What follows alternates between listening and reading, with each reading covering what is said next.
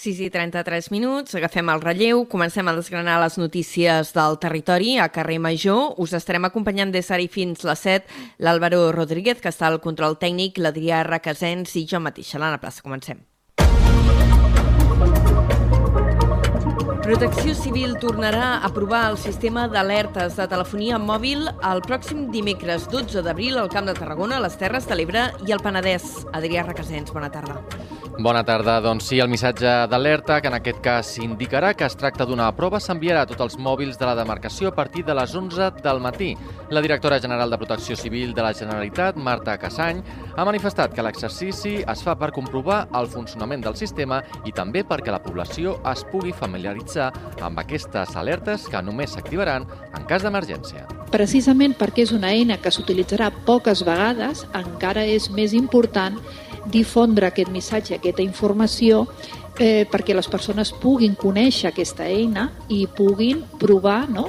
tenir aquesta oportunitat de poder provar eh, el dia 12 com funciona i com és aquest missatge, doncs precisament perquè no la rebran molts cops. És a dir, Després de la prova, la ciutadania podrà fer una enquesta anònima. Aquesta servirà per comprovar el funcionament del sistema. S'hi preguntarà, per exemple, si s'ha rebut l'alerta, el nombre de missatges que ens han rebut i també l'idioma i avui ja ho veureu ara, ha sigut un dia de fer balanç.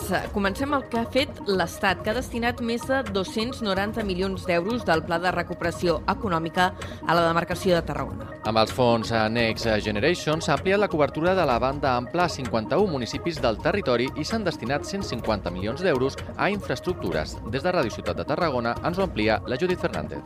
L'Administració General de l'Estado ha beneficiat 2.800 projectes a Tarragona amb més de 290 milions d'euros. Des de l'Estat han facilitat la financiació a més de 2.600 pimes, destacant programes específics com el programa Kit Digital.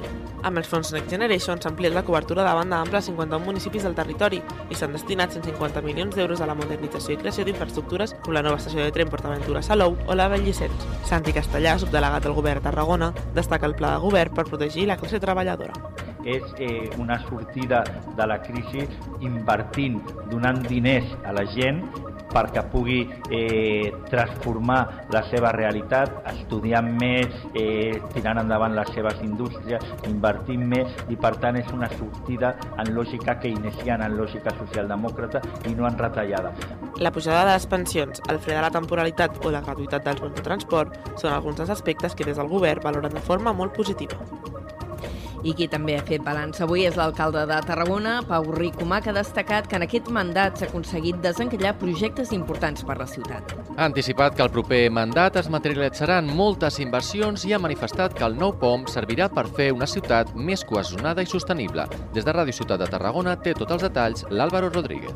Després de balanços de les diverses conselleries de l'Ajuntament de Tarragona, Pau Ricomà, alcalde de la ciutat, ha fet aquest dijous balanç dels seus quatre anys al capdavant del consistori. Ho ha fet a la volta de la la tacleta del Pretori i davant de la majoria dels seus socis de govern. Ricomà assegura que aquest ha estat un mandat centrat en la mirada de futur com una de les seves línies principals d'actuació.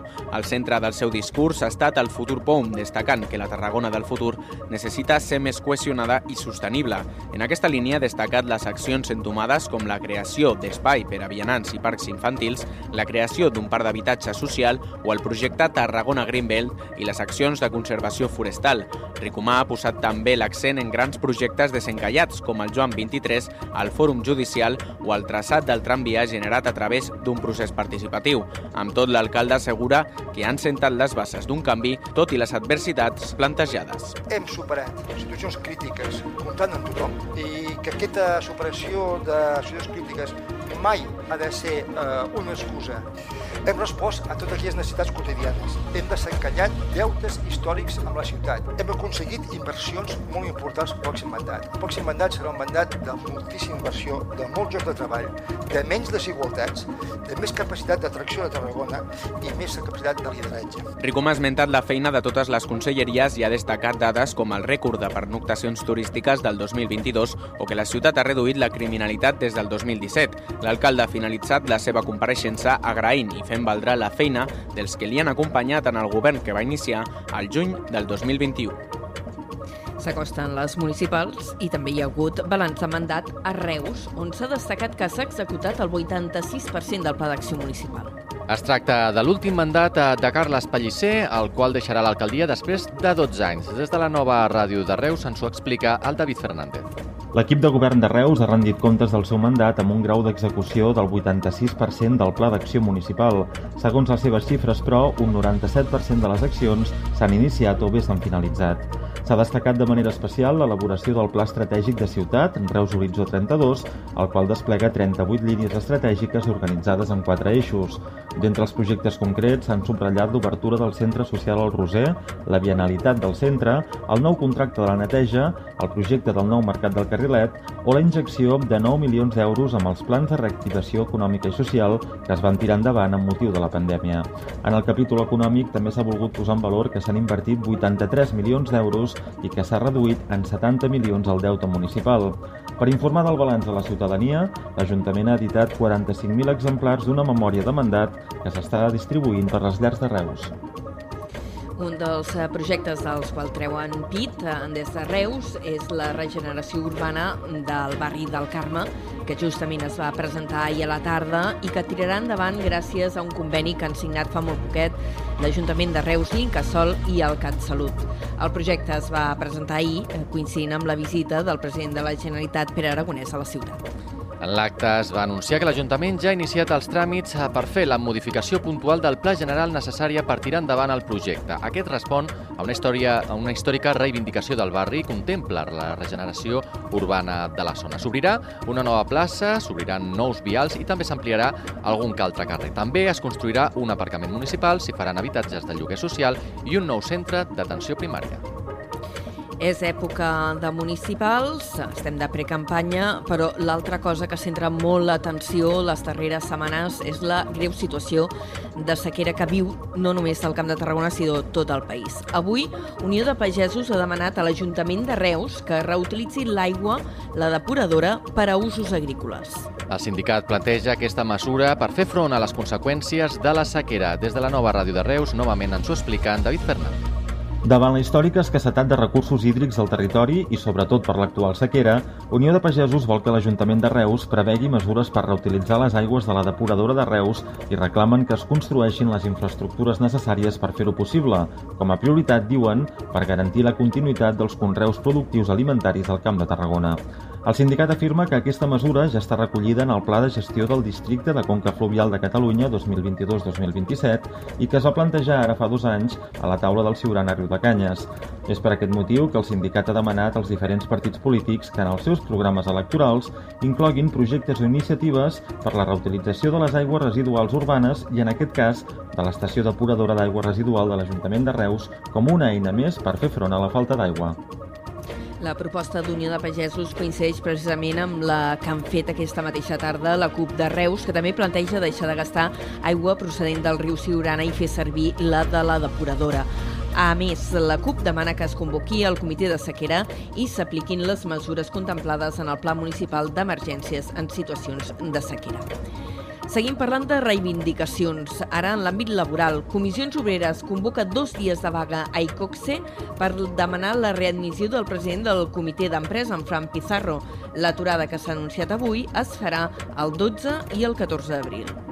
Justament ahir a la tarda, prop de 200 persones van tallar la Nacional 340 a l'alçada de Bonavista per protestar contra l'acomiadament de Pizarro. Han reclamat la seva readmissió i han denunciat que es tracta d'un cas de persecució sindical. Pizarro va explicar que està recopilant l'informació per denunciar l'empresa.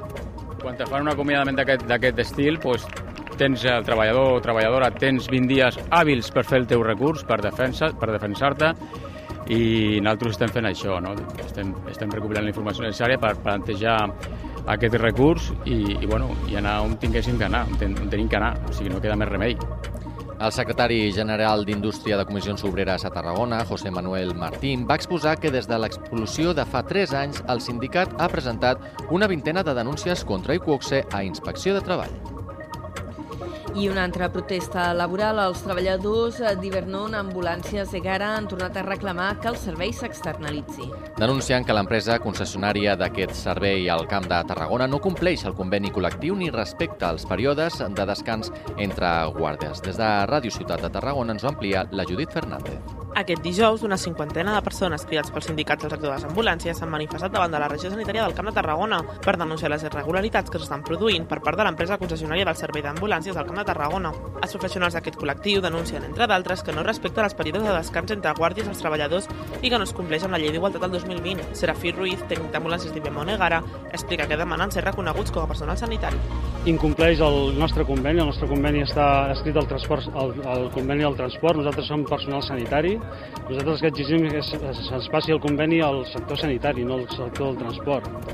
Estem parlant d'una empresa que no s'ha pogut presentar en alguns concursos públics, bàsicament perquè, per exemple, no té un pla d'igualtat eh, com marca el Real Decret i, en canvi, la Generalitat de Catalunya li segueix renovant el concurs any rere any desprivatitzar el sector tècnic d'ambulàncies, reconèixer per malaltia professional embaràs des del primer dia o la renovació de la flota d'ambulàncies són alguns dels aspectes que han entregat avui en un manifest a la regió sanitària del Camp de Tarragona. I el sindicat CGT denuncia que aquest eh, curs i el vinent es tancaran 36 línies en escoles i instituts públics del Camp de Tarragona.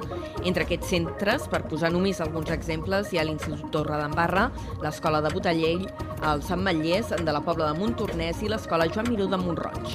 El Departament d'Educació atribueix el tancament de línies a la reducció d'alumnes per la baixada de natalitat.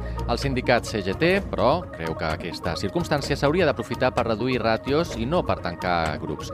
Jorge Fernández, membre de la secció d'ensenyament de la CGT a Tarragona, n'ha parlat aquesta mateixa tarda a Carrer Major. S'està perdent una oportunitat històrica, en definitiva. És a dir, eh, quan s'estan tancant línies perquè s'estan exposant en la, en la davallada de natalitat, no? hi ha una davallada de natalitat i el que fem en comptes de tancar eh, línies en l'escola concertada eh, sinó que de fet estem obrint de més i estem augmentant el pressupost en l'escola concertada i fins i tot salvant les escoles concertades deficitàries, eh, estem perdent l'oportunitat històrica de tancar aquests concerts i abaixar ràtios a l'escola pública. La CGT alerta que el tancament de línies afectarà els col·lectius professionals més precaritzats, com les tècniques d'educació infantil, que són personal laboral i es quedaran sense feina. El sindicat també considera que el tancament de línies va en detriment de la implantació del model d'escola inclusiva i afavorirà la segregació escolar. El Departament d'Educació ha anunciat que el curs vinent començarà el 6 de setembre per a infantil, primària i ESO i el dia 12 per a la formació professional. El conseller Josep González Cambrai ho ha comunicat primer als docents per carta i abans de fer una roda de premsa per explicar els detalls. El curs passat va començar el 5 de setembre per a infantil i primària, dos dies més tard a l'ESO. Enguany s'ha optat per unificar-ho en una mateixa data. A més, les tardes de setembre seran lectives. La resta d'ensenyaments començaran el 18 de setembre. El conseller Cambrai ha manifestat que han intentat buscar una solució de consens. Per tant, sempre és difícil, de fet m'atreviria a dir que no és possible posar d'acord per una banda les famílies que volen començar l'abans possible, i això ho reflecteix l'informe del Consell Escolar. I per altra banda, els sindicats, que deien que s'havia de començar el dia 8. Per tant, què hem fet? Hem agafat el camí del mig. Aquest anunci ha provocat una reacció immediata i airada dels sindicats educatius. Representants d'USTEC han irromput a la seu del departament per queixar-se i no descarten tornar a la vaga. Afirmen que la data d'inici de curs s'ha fixat sense negociar.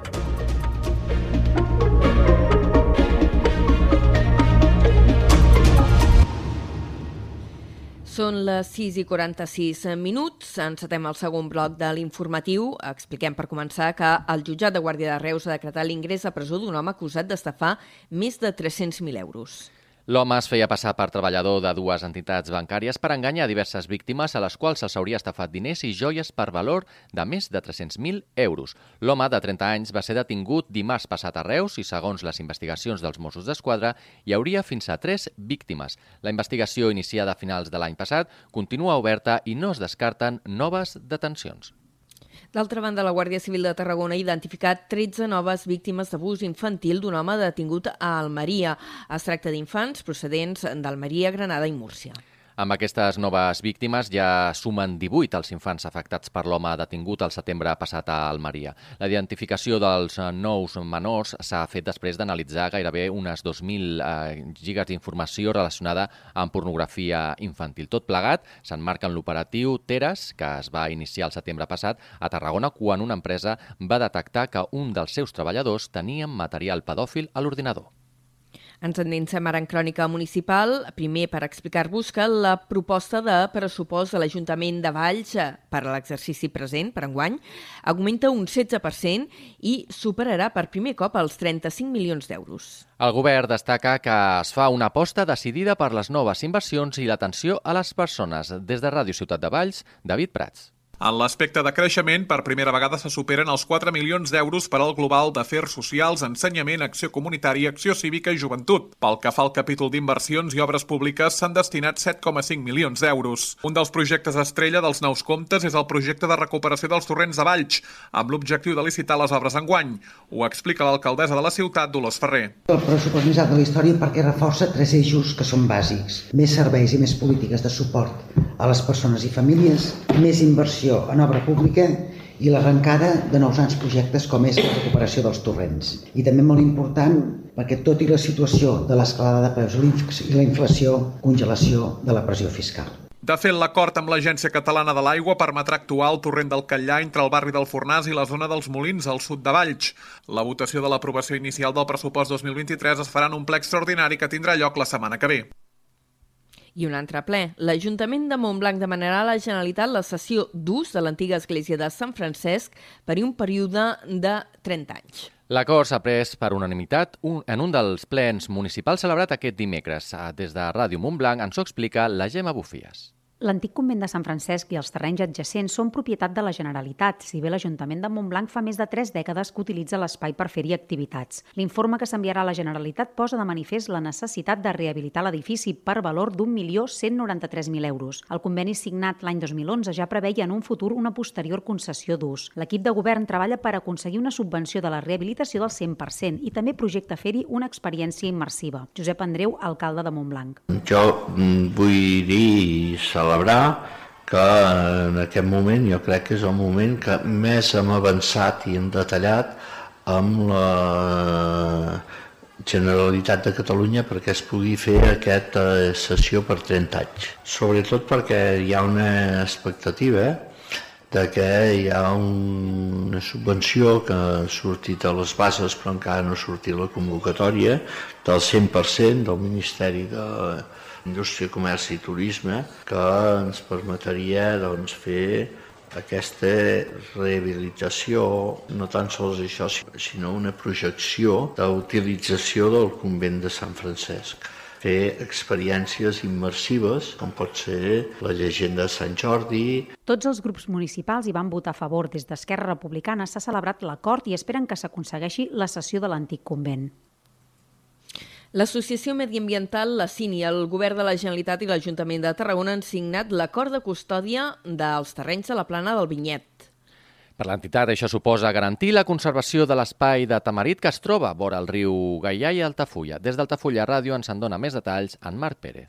L'Associació Mediamental La Sínia, el Departament d'Acció Climàtica de la Generalitat de Catalunya i l'Ajuntament de Tarragona han signat aquest dijous al matí l'acord de custòdia de la plana del Vinyet.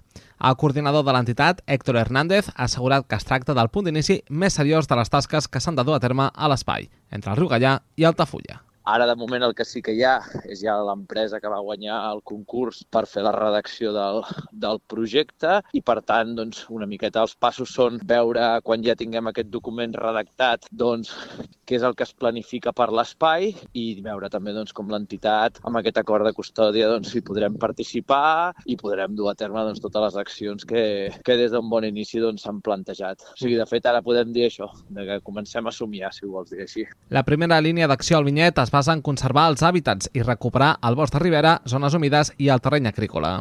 L'altra té a veure amb la interacció de les persones, com hi transitaran i què podran fer per gaudir de la fauna i la flora d'aquest entorn. La policia local de Vandellós i l'Hospitalet de l'Infant s'adhereix al programa Reuniform de reciclatge d'uniformes. L'Ajuntament ha signat un acord de col·laboració amb l'empresa Insigna per sumar-se a aquesta iniciativa que preveu la recollida i el reciclatge posterior de les peces velles dels uniformes de la policia local. Des de Ràdio Hospitalet ens ho explica la Iris Rodríguez.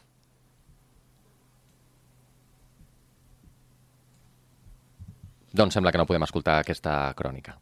Doncs avancem amb altres informacions. Fem dos apunts breus abans de passar a cultura.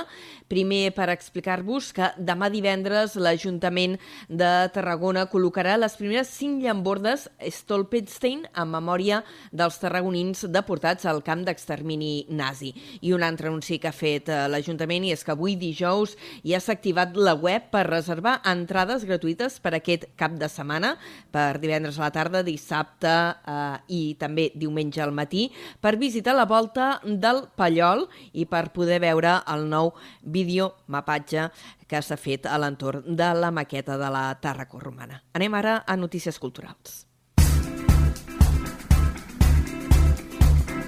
Que centren el tram final de l'informatiu i comencem eh, aquest bloc també situats a Tarragona. La 17a edició del Festival de Teatre Màgic arrencarà el 8 d'abril amb l'espectacle Màgia 5 Estrelles que es farà a la tarda al Teatre Tarragona. El certamen s'allargarà fins al 28 d'abril i comptarà amb una dotzena d'il·lusionistes. Com en les edicions anteriors, aquest festival que dirigeix el Marc Gerard comptarà amb diversos escenaris. Hi haurà espectacles a la Sala Trono, es farà màgia de prop a la biblioteca i a l'Espai QS hi haurà una masterclass de trucs amb el mòbil i també el cabaret màgic de Daniel com a novetat d'aquesta edició, el festival programarà dos espectacles de màgia educativa que es faran al Centre Cívic de Torreforta. I d'altra banda, un altre festival eh, que va avançant, el, de, el Festival Internacional de Cinema en Català de Roda Barà, el FICCAT, que ha tancat ja inscripcions i ha rebut un total de 250 propostes per la pròxima edició.